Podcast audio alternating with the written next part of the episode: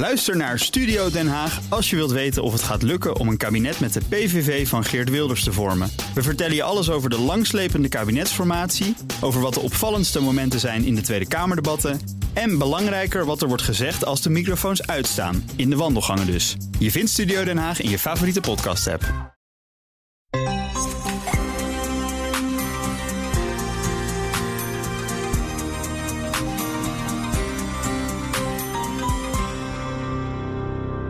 Is de Carbon Podcast, een podcast van Nieuwsbureau Energia en Grenzeloos Journalistieke Producties. Ik ben Tijdo van der Zee en in tien afleveringen duiken we in de wereld van de CO2-emissierechten. Vandaag zitten we in Den Haag bij de Nederlandse Emissieautoriteit. En met een goede reden, want deze aflevering gaat over iets heel praktisch. Hoe meet je emissies? Hoe rapporteer je die? En hoe wijst de NEA, de Nederlandse Emissieautoriteit, vervolgens de rechten toe? Ehm, we beginnen natuurlijk weer met Jos Kozijnse, emissiehandel-expert bij de Climate Neutral Group, die ons met zeven mijlslaarzen door de materie heen loodst. En uh, we sluiten over een half uur weer af met een blik op de CO2-koersen met Chris Guth, marktkenner bij Engie. Goed, vandaag in de laatste aflevering voor de zomervakantie kijken we naar de CO2-emissierechten boekhouding van ETS-bedrijven. En we krijgen hiervoor een kijkje in de keuken bij Tata Steel, want aan tafel zit Tilly de Bie, milieuadviseur adviseur bij Tata met emissierechten in de portefeuille. En aan mijn linkerzijde zit Maaike Breukels, afdelingshoofd emissiehandel bij de NEA. Uh, maar eerst dus Jos Kozijnse. Nou, vandaag bij de podcast misschien uh, de saaiste aflevering door het onderwerp. Nou, met de gasten van Tijden van de Zee zal het wel meevallen. Maar dat gaat wel de borging uh, van het hele systeem aan. Monitoren, verifiëren, rapporteren, het allokeren van de emissierechten. De aandacht gaat vaak naar de ambitie van het ETS, het CO2-doel, en de handel en de prijzen. Maar het is natuurlijk een compliance instrument. Het grootste deel van de wet milieubeherende besluiten, op grond van regelgeving in de Europese Unie over emissiehandel, gaan wel hierover. Een bedrijf dat onder het emissiehandelssysteem valt, alle energiecentrales, grote fabrieken en verbrandingsinstallaties, die moeten een CO2-vergunning aanvragen. En die krijg je alleen als je de monitoring op orde hebt. Als duidelijk is welke installaties de uitstoot komt en hoe dat wordt bijgehouden. De NEA, de emissieautoriteit, heeft er een belangrijke rol in. Ze helpt bedrijven hoe eraan te voldoen. En hoe gaat het meten dan? Er wordt meestal niet gemeten. Wel bij fakkels bijvoorbeeld, maar het meeste wordt berekend. De wetenschappelijke organisatie IPCC heeft de formules vastgesteld hoeveel CO2 er vrijkomt bij het verbranden van olie, gas en kolen. En die gasnota's die kunnen natuurlijk gecheckt worden. Voor procesemissies, want CO2 en gas kan gekraakt worden voor de chemie, zijn er wel ingewikkelde methodes. En soms is een eenvoudige mass balance approach uh, gebruikt. er gaat ruwe olie in, raffinaderij, er komen producten uit. Nou, de rest van de crude olie wordt als emissie gezien. Zijn er bijzondere situaties? Als een bedrijf een installatie bij een andere inrichting heeft staan bijvoorbeeld. Als een bedrijf zoals Tata het hoogovergas aan een energiebedrijf geeft om stroom op te wekken, dan is die emissie niet van Tata. Nou, jaarlijks moeten bedrijven een emissierapport opmaken en een onafhankelijke accountant moet dat verifiëren. En moet in april moet het rapport worden ingeleverd. Nou, bij kleine bedrijven is een accountant een halve dag of een hele dag bezig. Bij grotere sites is het wel echt serieus werk en is men een week aan het checken. Gaat er wel eens iets mis? Ja, maar dat is een grote uitzondering. Er is bijna volledige compliance. Er wordt ook hulp geboden door de NEA en er zijn forse boetes als stok achter de deur. En het ETS werkt natuurlijk al vanaf 2005. De geverifieerde emissies worden elk jaar in mei gepubliceerd, dus iedereen kan controleren of er geen rare dingen in staan. Bedrijven hebben natuurlijk ook alle belang bij goede monitoring en rapportage. Het levert voor de meeste industrieën nog gratis rechten op. In februari keerde de NEA aan 290 bedrijven 38,8 miljoen ton emissierechten uit. En dat is een paar miljard euro waard. Die toekenning is vanaf dit jaar trouwens dynamisch. Bedrijven moeten een activiteitsverslag maken met het productieniveau. En als de productie van het bedrijf 15% is toegenomen of afgenomen, dan wordt het aantal emissierechten verhoogd of verlaagd. En die aanpassing is dit jaar ook gebeurd bij 159 bedrijven. Dus dat kost toch wel extra werk. En ook kunnen bedrijven extra rechten krijgen als ze restwarmte extern benutten. Dat is trouwens na al die jaren nog niet uh, erg bekend. Er wordt nog weinig beroep op gedaan. Het merendeel van de emissierechten wordt overigens geveild en het percentage neemt toe. Aan de ene kant neemt het werk van de NEA daardoor af, maar ja, Er is weer meer werk bijgekomen door de dynamische toekenning en de CO2-heffing. Maar die nieuwe regels brengen ook weer meer ambitie. En het is nodig om het prijsakkoord te halen. Dankjewel, uh, Jos. De saaiste aflevering. Daar zijn, zijn we mooi klaar mee.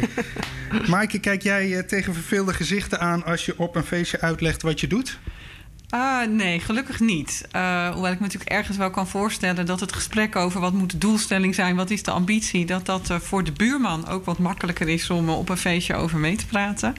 Um, maar ik denk, en dat zegt Jos natuurlijk in, in, zijn verhaal ook, het is natuurlijk echt heel belangrijk dat die borging goed op orde is. En ik denk dat binnen ETS we daar in alle jaren dat we met ETS bezig zijn, ook echt enorme stappen in hebben gemaakt. En waar het voorheen in de eerste jaren echt gebaseerd was op, uh, op richtlijnen van de commissie, die dan per lidstaat de regels werden uitgewerkt, mm-hmm. zie je nu veel meer. Uh, ja, eigenlijk is Europees helemaal vastgelegd aan welke eisen moeten die uh, bedrijven voldoen. Ja. Um, dus ja. Dus saai is dat niet. Saai is het niet. Maar dat kan je niet op een feestje vertellen, of wel? Of op jouw feestjes wel? Nou, ik denk als ik uh, het net zo goed kan uitleggen als Jos, dan moet ik het ook wel op een feestje kunnen uitleggen. um, ja, de Nederlandse emissieautoriteit is eigenlijk een soort van uh, bank of verzamelplek van alle emissierechten in Nederland. Uh, hoeveel emissierechten zitten er in het register? Uh, op dit moment is dat 2,4 miljard. Ja. Maar daarvan is een heel groot deel zijn de CERS. Daar heb je het in een van je eerdere podcasts over gehad. Ja. 200 miljoen gaat het echt over de echte ETS-rechten. 200 miljoen de echte ETS-rechten? Ja, in het Nederlands de... register. Ons deel van het register. En de rest is SER? Ja. Kan dus niet meer gebruikt nee, worden? klopt. Oké. Okay. Ja, en gooien jullie die weg op een gegeven moment? Uh, nou, die blijven daar staan, maar daar kan niks meer mee gebeuren. Nee, oké. Okay. Um, ja, ik, ik noemde het even een soort van bankrekening net. Uh, zien jullie jezelf als een soort bank? Um, nou, het is goed om te weten. Kijk, wat er in dat register gebeurt, is uiteindelijk de, de einduitslag van wat bedrijven doen. Hè. Bedrijven kunnen uh, rechten krijgen van ons, of die gaan die verhandelen. Nou, dat gebeurt allemaal buiten ons om, dat mm -hmm. die handelen in die, uh, in die rechten. Ja. Maar als dan uiteindelijk bedrijven afspreken: ik koop uh, van jou een aantal rechten, dan zien wij het resultaat daarvan, namelijk een verplaatsing van die rechten in het register. Ja. We zijn wel een beetje vergelijkbaar in een, met een bank, in de zin dat wij natuurlijk wel ook bezig zijn met wie heeft er toegang tot ons register. En mm -hmm. dan zijn dat de juiste mensen, zijn die betrouwbaar. Dus daarin hebben we een beetje ook een soort rol als, als een bank. Zorgen dat het register veilig is. Ja. Dat, dat, nou, dat daar geen fraude in ja. kan Een soort van bankgeheim ook? Want, of, of mag juist iedereen de rekeningen ook bekijken? Is het een openbaar register? Nee, het is, het is niet openbare informatie. Het is natuurlijk niet uh, openbaar om te weten hoeveel, uh, hoeveel rechten er op de rekening van uh, nou, bijvoorbeeld onze gesprekspartner Tata staan. Nee, nee, oké. Okay. Um, maar we weten dus wel hoeveel jullie in totaal op de ja. bank hebben staan. Ja. ja. Alle ETS-bedrijven die gevoelig zijn voor uh, carbon leakage, uh, die krijgen gratis rechten toegewezen. Uh, en vorig jaar maakte de Europese Commissie bekend dat er nou, voor de vijfjarige cyclus van 2021 tot 2025 geen correctiefactor nodig is voor die gratis rechten. Kan je uitleggen wat dat inhoudt? Ja, zeker. Um, Kijk, de, de, ETS, nou, dat mag inmiddels duidelijk zijn, is een cap-and-trade systeem. Dus waar het in, he, over gaat, is dat de hoeveelheid totaal beschikbare rechten, die daalt elk jaar. Uh, en daarbinnen heeft dan de commissie een hoeveelheid uh, uh, rechten beschikbaar om gratis toe te wijzen. Nou, daar is een heel systeem voor opgetuigd, hoe die gratis toewijzing plaatsvindt. En die is gebaseerd op een aantal factoren per bedrijf. en met name hoe CO2-efficiënt ben je en hoeveel productie lever je. Um, afgelopen jaar is, uh, is dat allemaal verzameld ja. binnen alle lidstaten van Nederland, of van alle lidstaten van Europa. En dus voor alle bedrijven in Europa is al die data verzameld en is gekeken, als we deze systematiek volgen, past dan de hoeveelheid rechten die we moeten, die we moeten toewijzen binnen de hoeveelheid beschikbare gratis rechten? En Ja. het antwoord was dit keer ja. Uh, in de vorige fase was het antwoord daarop nee en is er wel een corre- correctiefactor toegepast. Oké, dus eh, dit jaar hebben de bedrijven niet te veel nodig gehad. Er was voldoende beschikbaar Precies. voor wat de bedrijven Ja. nodig hadden, hebben of denken te hebben. Ja. Ehm, Tilly, eh, Tata Steel heeft voor de periode 2021 tot 2025 eh, elk jaar ruim 10 miljoen rechten toegewezen gekregen. Komt dat overeen met wat jullie hadden gevraagd, wat jullie dachten nodig te hebben? Nee, dat komt niet overeen. Dat uh, is altijd wat minder. En dat heeft ook wel te maken dat wij uh, met het bedrijf, hè, de processen die we hebben, maken we een procesgas. Mm -hmm. En een gedeelte van het procesgas wordt ook gebruikt voor elektriciteit. Mm -hmm. Dus voor die benchmark uh, trek je dat daarvan af. Dus wij hebben altijd minder rechten. En dan heb ik het ongeveer, ongeveer 88 procent hebben wij eigenlijk uh, tekort. Of sorry, 22 procent. Dus we hebben 88 procent zouden we nodig hebben. Okay. Dus we hebben altijd wat minder. Dus wij betalen Jullie... zeker in fase 4 elk jaar. En fase 3 ook al betalen wij elk jaar, kopen we ze zelf gedeeltelijk bij. Wat ja. bijkopen, ja. ja. Um, uh, nog heel even uh, voor de totale duidelijkheid. waarom krijgt een bedrijf als Tata Steel, Tata Steel wel gratis rechten en een bedrijf energiebedrijf als RWE of Vattenfall uh, niet? Nou, dat is in Europa is een hele lijst opgesteld. Dus alle bedrijven die, dat noemen ze dan carbon leakage, dus bedrijven die op een mondiale markt zitten, die krijgen gratis rechten. Omdat anders zouden we natuurlijk een, ja, de, de term level playing field, hè, dus als wij staal maken en wij vallen onder de CO2, of ik noem, ik noem Tata de altijd wij, sorry, ja. vallen onder de CO2-emissierechten, dan uh, uh, hebben wij natuurlijk meer kosten dan een bedrijf buiten Europa. Ja. En aangezien CO2 zich niet aan de grens houdt, dus het maakt niet uit waar je het uitstoot op de wereld, hè, het heeft allemaal effect op het klimaat, zou dat een oneerlijke concurrentie zijn. Mm -hmm. Dus vandaar dat een bedrijf als Status Steel, die staat op die carbon leakage lijst. En dat wil zeggen dat wij dus uh, die gratis rechten ja, krijgen. En ja. elektriciteitsproducenten niet? Nee, elektriciteit nee. Want die zitten, nou ja, die verrekenen natuurlijk de prijs in de elektriciteit. Hè, dus mm -hmm. die betalen wij in Nederland allemaal aan mee. Dus zij kunnen die prijs doorrekenen. En dat gebeurt bij de staalprijzen gaat dat natuurlijk niet, omdat wij die mondiale markt hebben. Ja. En elektriciteit, ja, die betrek je in de Nederlandse markt en daar daar zit die concurrentie niet in. Nee. Dus daar betalen wij als Nederlanders allemaal mee. Ja, Maaike, een ETS-bedrijf uh, krijgt dus emissierechten uh, toegewezen. Tilly zei het net al, uh, op basis van de benchmarks. kan jij uitleggen hoe dat in zijn werk gaat? Ja, zeker. Um, de benchmark is eigenlijk een norm of een, een maatstaf om aan te duiden hoe CO2-efficiënt wordt nu een bepaald product uh, gemaakt. Mm -hmm. uh, en ik, nou, even, ik maak hem even makkelijk. Zo simpel is die net niet. Maar stel een ton staal. Hoeveel uh, CO2 moet je daar nou voor uitstoten in jouw bedrijf om die ton staal te produceren? Mm -hmm. nou, Europa heeft voor verschillende producten van alle bedrijven bij elkaar gehaald in de zogenaamde datarapporten. hoeveel CO2 is er nou gepaard gegaan met de productie van een bepaald product. Ja. En op basis daarvan hebben ze voor allerlei verschillende producten uh, vastgesteld wat is de 10% meest efficiënte manier om dat product uh, te produceren.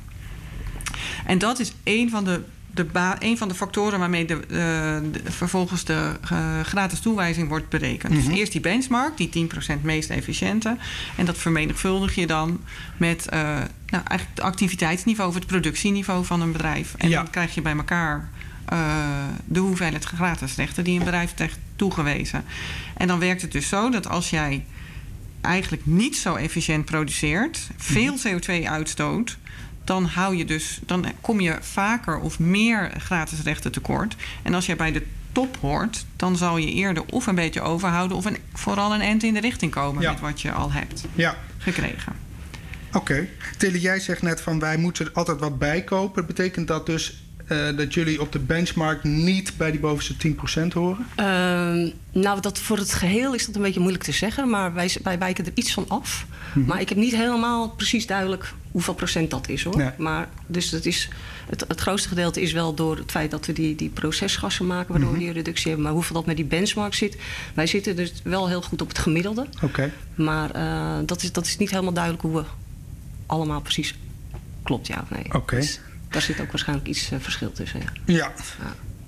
Uh, jullie leveren Tata Steel elk jaar een uh, CO2-rapportage aan bij de NEA. Ja. Kan je me eerst uitleggen hoe dat in zijn werk ging in fase 3 van het ETS en daarna hoe dat in fase 4, die vorig jaar van start ging, in zijn werk gaat?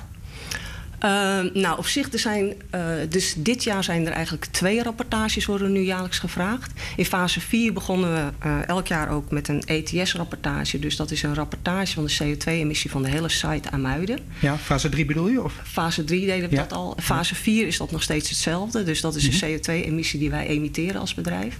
Maar daarnaast hebben we nu jaarlijks een activiteitenverslag. Mm -hmm. En dat is een verslag waar al de gegevens in staan die nodig zijn voor die benchmarkbepaling.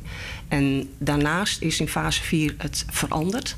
Dat wil zeggen dat er nu elk jaar getoetst wordt of er plus of min 15 procent binnen die activiteitsgegevens zitten. Ja. In fase 3, als ik er even terug mag springen, was dat nog 50 procent. Dus toen was die controle niet zo heel ja, nodig. Hè. Er moet al heel wat gebeuren, wil een bedrijf 50% minder produceren. Werden de ja. rechten aangepast. Maar in fase 4 is dat veranderd naar plus of min 15%.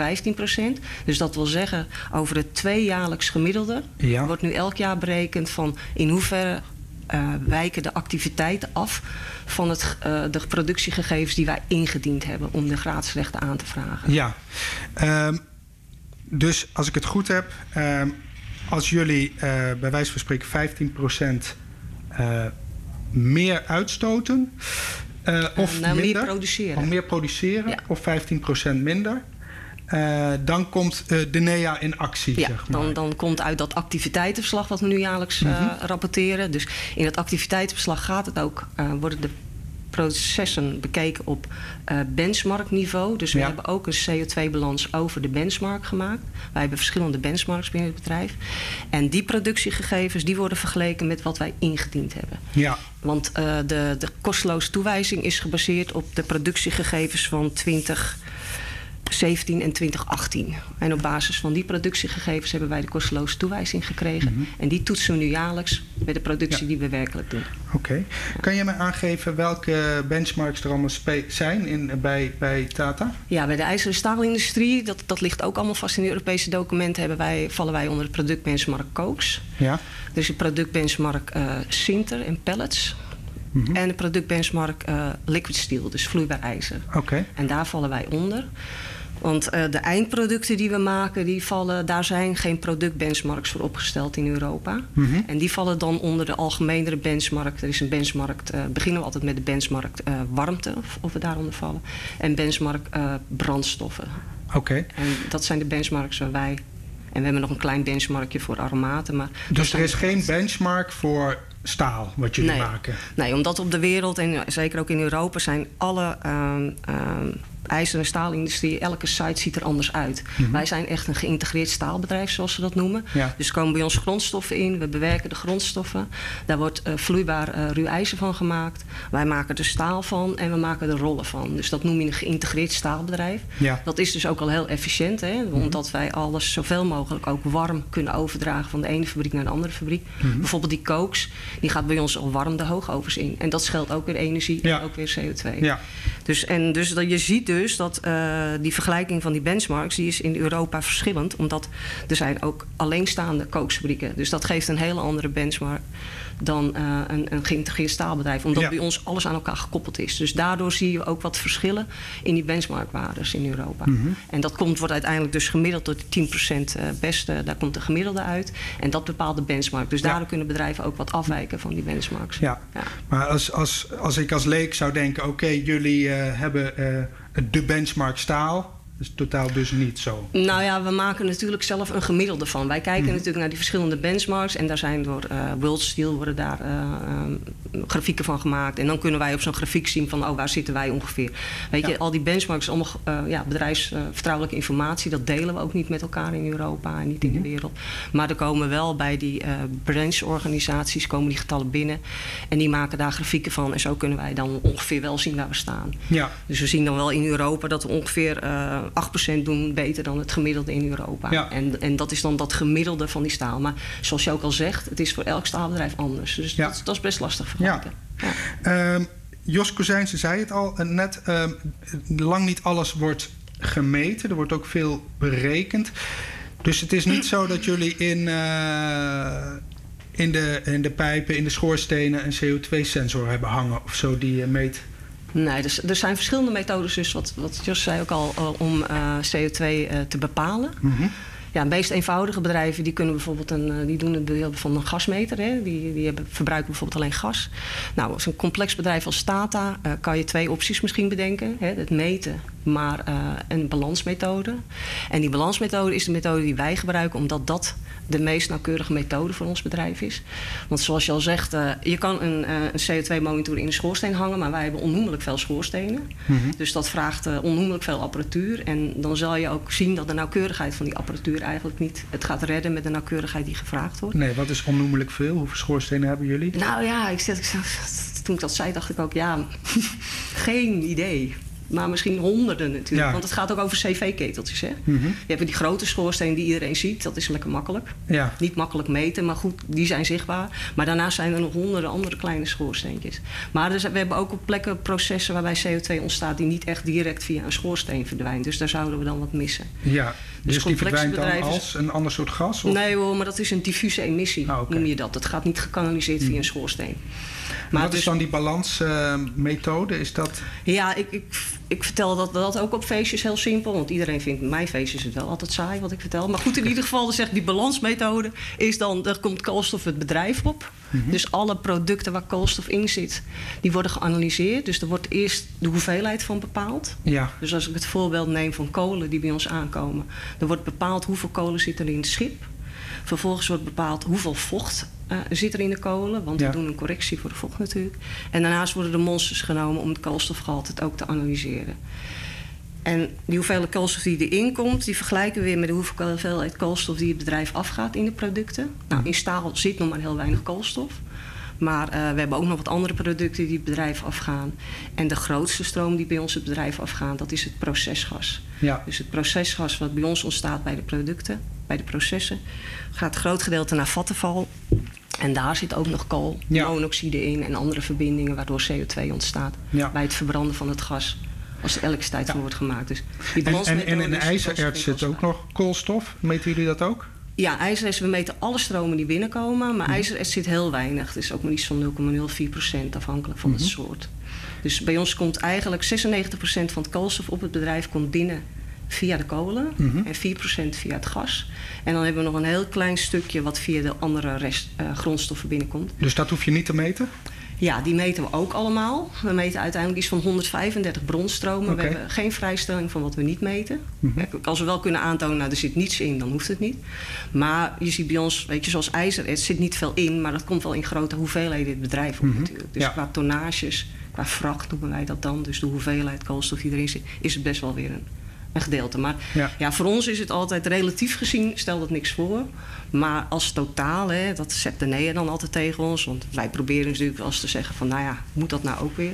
Maar, maar qua totaal is het natuurlijk altijd vergeleken met andere bedrijven, is het altijd weer veel. Ja. Dus wat dat betreft, uh, en daar hebben wij dus ook gewoon heel veel werk aan. Ja. ja. En dan is het bij jullie ook nog complex, omdat je dus uh, uh, hoogovergas levert aan, aan vattenval. Ja.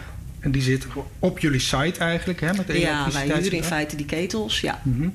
En dat komt op winst-emissiebalans komt dat te staan?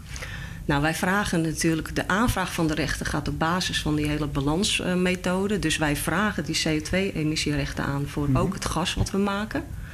En dat uh, wordt dan zo'n balans, het gas wat we dan maken, wat naar Vattenval gaat, dat, gaan wij, dat wordt ook weer gemeten.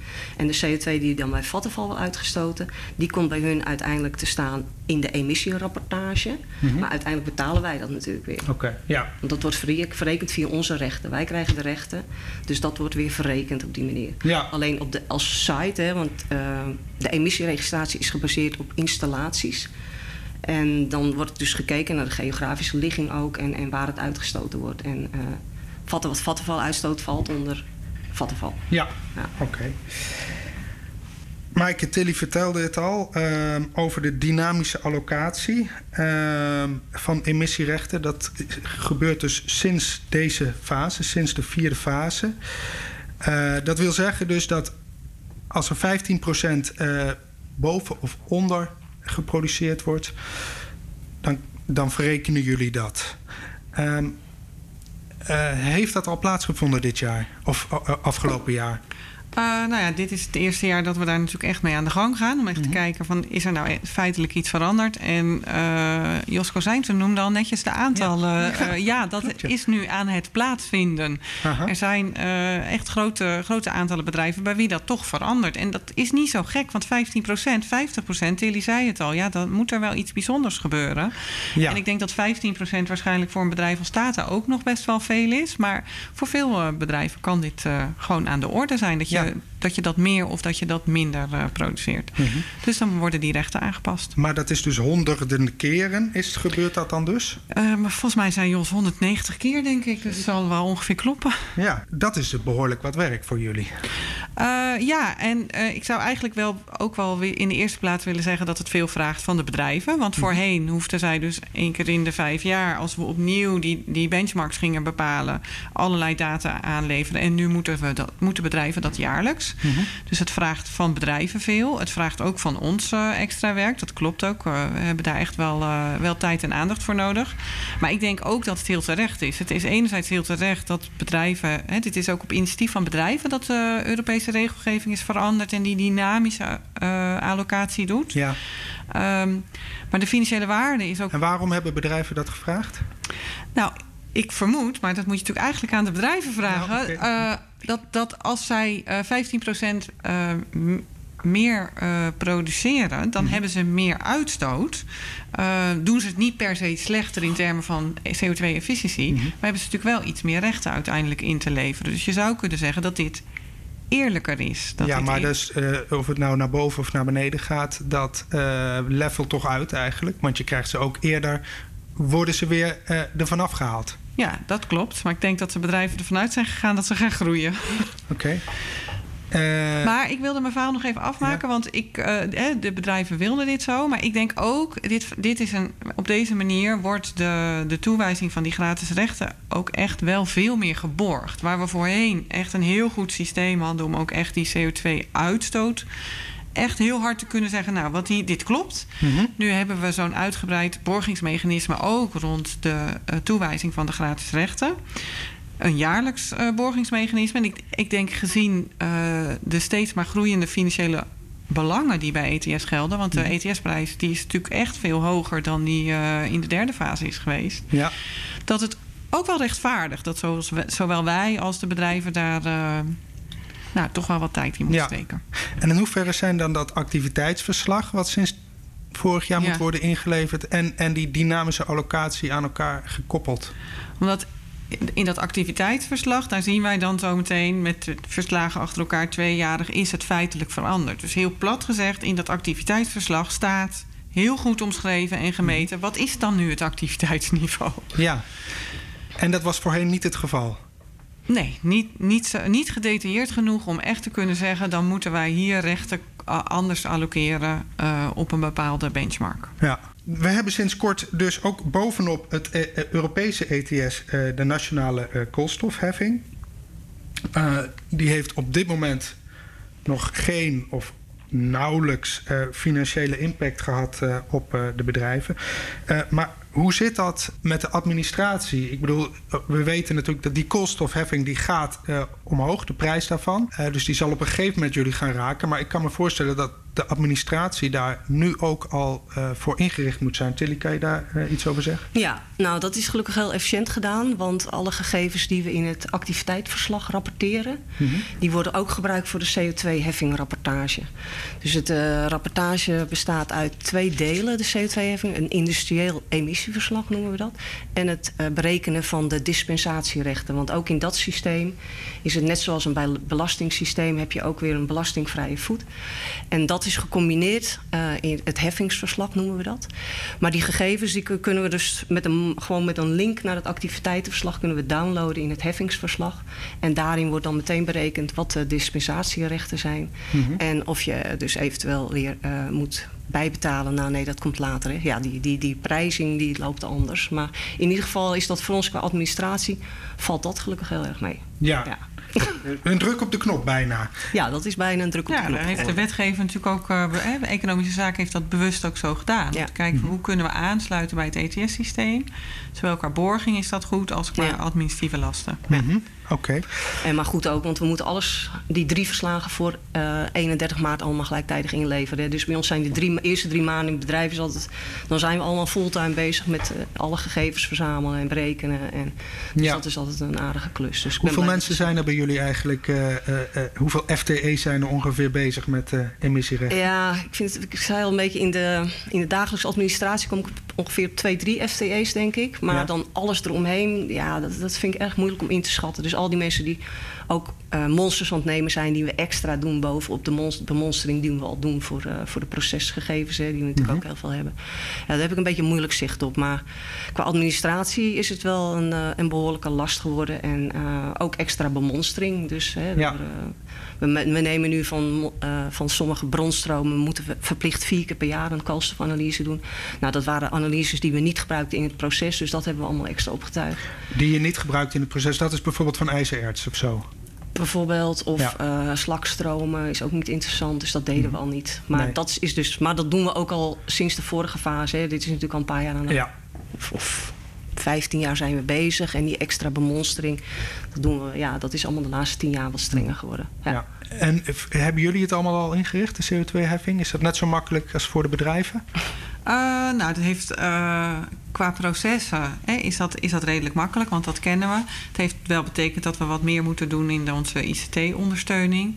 Uh, en we zijn nu bijvoorbeeld ook nog wel aan het werk om een register te bouwen voor die zogenaamde dispensatierechten. Mm -hmm. Het register voor ETS is een Europees register, dus dat krijgen we bij wijze van spreken cadeau en uh, gaat erin werken. En uh, dit is een nationaal systeem, dus daar moeten wij zelf wat, uh, wat ICT-ondersteuning voor bouwen. Ja. Maar we zijn voorbereid. Ja, dat is mooi. Hier in het gebouw van jullie zit ook de, de ICT-dienst. Ja, precies. Dus kunnen jullie lekker makkelijk elkaar spreken. Um, Even kijken, het ETS is natuurlijk een da heeft een dalende cap. Op een gegeven moment komen er helemaal geen emissierechten meer.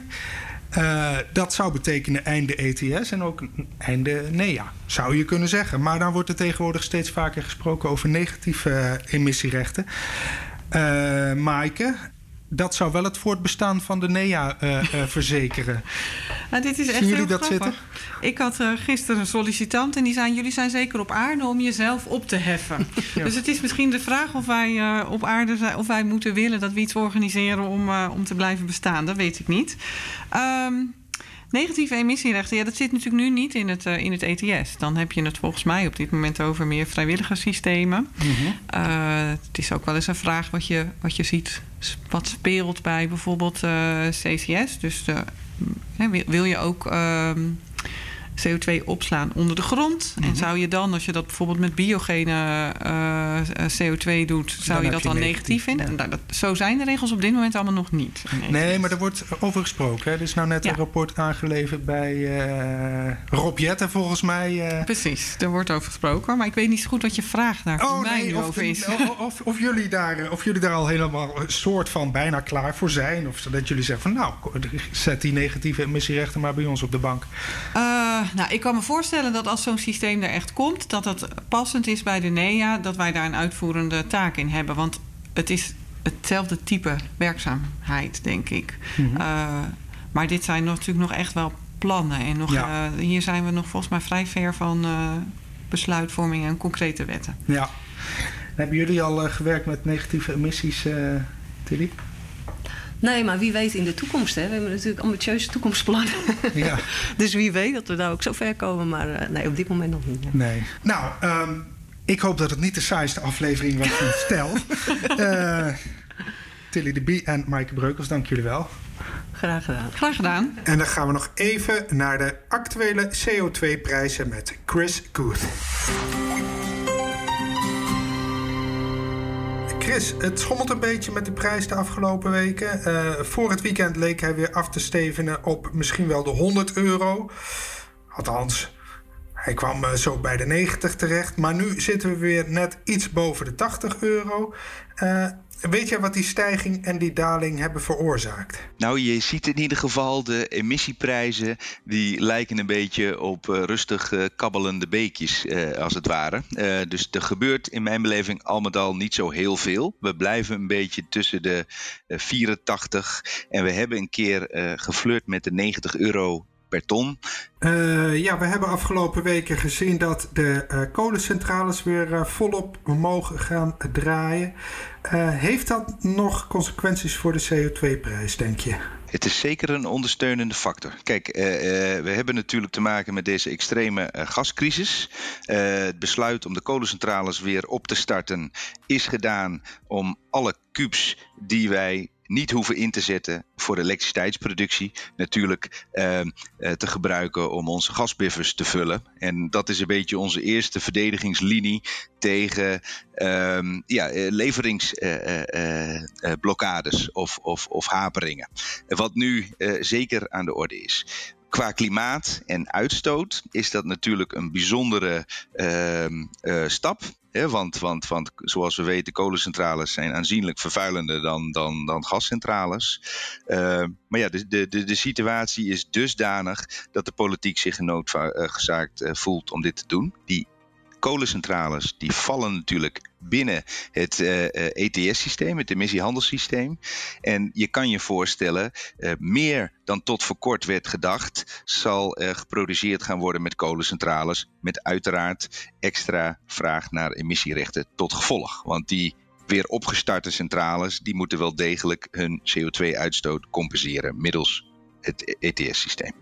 Er is natuurlijk aan de andere kant, uh, de situatie is dermate nijpend dat wij wellicht op korte termijn genoodzaakt zullen zijn om bepaalde energie-intensieve sectoren te gaan sluiten. Op puur omdat er niet voldoende gas is om die, die, die, die bedrijven uh, hun productie te laten draaien. Dus om de markt te balanceren, ziet het eruit dat in de verschillende Europese noodplannen er toch bepaalde sectoren gedwongen zullen worden om te sluiten. Kijk, en dat is natuurlijk ook wel eentje die juist weer prijsdrukkend uh, uh, door kan werken. Uh, want ja, zoals de energie-intensieve sectoren worden gedwongen om te sluiten, dan zal dat natuurlijk ook um, het uitstoot verminderen van die desbetreffende sectoren. En denk je dan dat die twee verschillende gebeurtenissen, dus de kolencentrales aan en de bedrijven afschakelen, dat die ervoor zorgen dat de CO2-prijs een beetje ja, gelijk blijft? Dat dat elkaar een beetje in evenwicht houdt? Ik denk dat voor uh, de komende weken uh, uh, we geen heftige prijsuitschieters hoeven te verwachten. De ambities op de wat langere termijn die zijn wel degelijk ehm, vergaand en, en prijsopdrijvend. Uh, dus ik denk op de langere termijn moeten we echt wel rekening gaan houden met, uh, met, met hogere marktprijzen, gezien alle aanscherpingen van de doelstellingen. Maar ja, er hangt toch echt wel een donkere wolk boven de gasmarkt, dan wel de Europese economie in het verlengstuk daarvan. Hè. De, wellicht zit er een recessie aanstaande als wij echt uh, die vergaande maatregelen moeten gaan treffen om, om de gasmarkt te balanceren. Ja, dat kan natuurlijk wel het opwaarts potentie uh, temperen. Uh, dus ik denk dat we inderdaad de komende weken niet heel veel hoeven te verwachten. Het enige wat mogelijk nog van invloed gaat zijn, is dat op 12 juli ehm, weer op, op de agenda staat dat we extra rechten gaan veilen om 20 miljard aan opbrengsten te kunnen gaan aanwenden voor de financiering voor de Repower EU. En dat is iets wat nog wel, denk ik, in de achterhoofd van veel handelaren uh, zit, waarin dus dat in potentie ja, extra aanbod op de markt uh, teweeg kan brengen. En misschien zelfs wel weer uh, een, een, stapje terug laten doen onder de 80 euro. Maar op de lange termijn ben ik toch echt wel van mening linksom of rechtsom door nou het draaien van meer kolencentrales of door de alsmaar toenemende ambities voor emissiereducties, dat die opwaartse druk de overhand zal gaan krijgen op den duur. Oké, okay, dankjewel Chris. Ehm, en hiermee sluiten we dan deze aflevering van de podcast af. In de volgende aflevering na de zomerstop gaat het over gebouwen. Want die gaan ook deel uitmaken van een Europees cap-and-trade systeem met emissierechten. Wat weten we al over dit toekomstige systeem en wat nog niet? We schetsen de voorlopige contouren van dit zogeheten ETS 2 met Corjan Brink van het Planbureau voor de Leefomgeving en Sander de Bruin van CE Delft. Mis de aflevering niet en abonneer je dus op de Gaia Carbon podcast in je favoriete podcast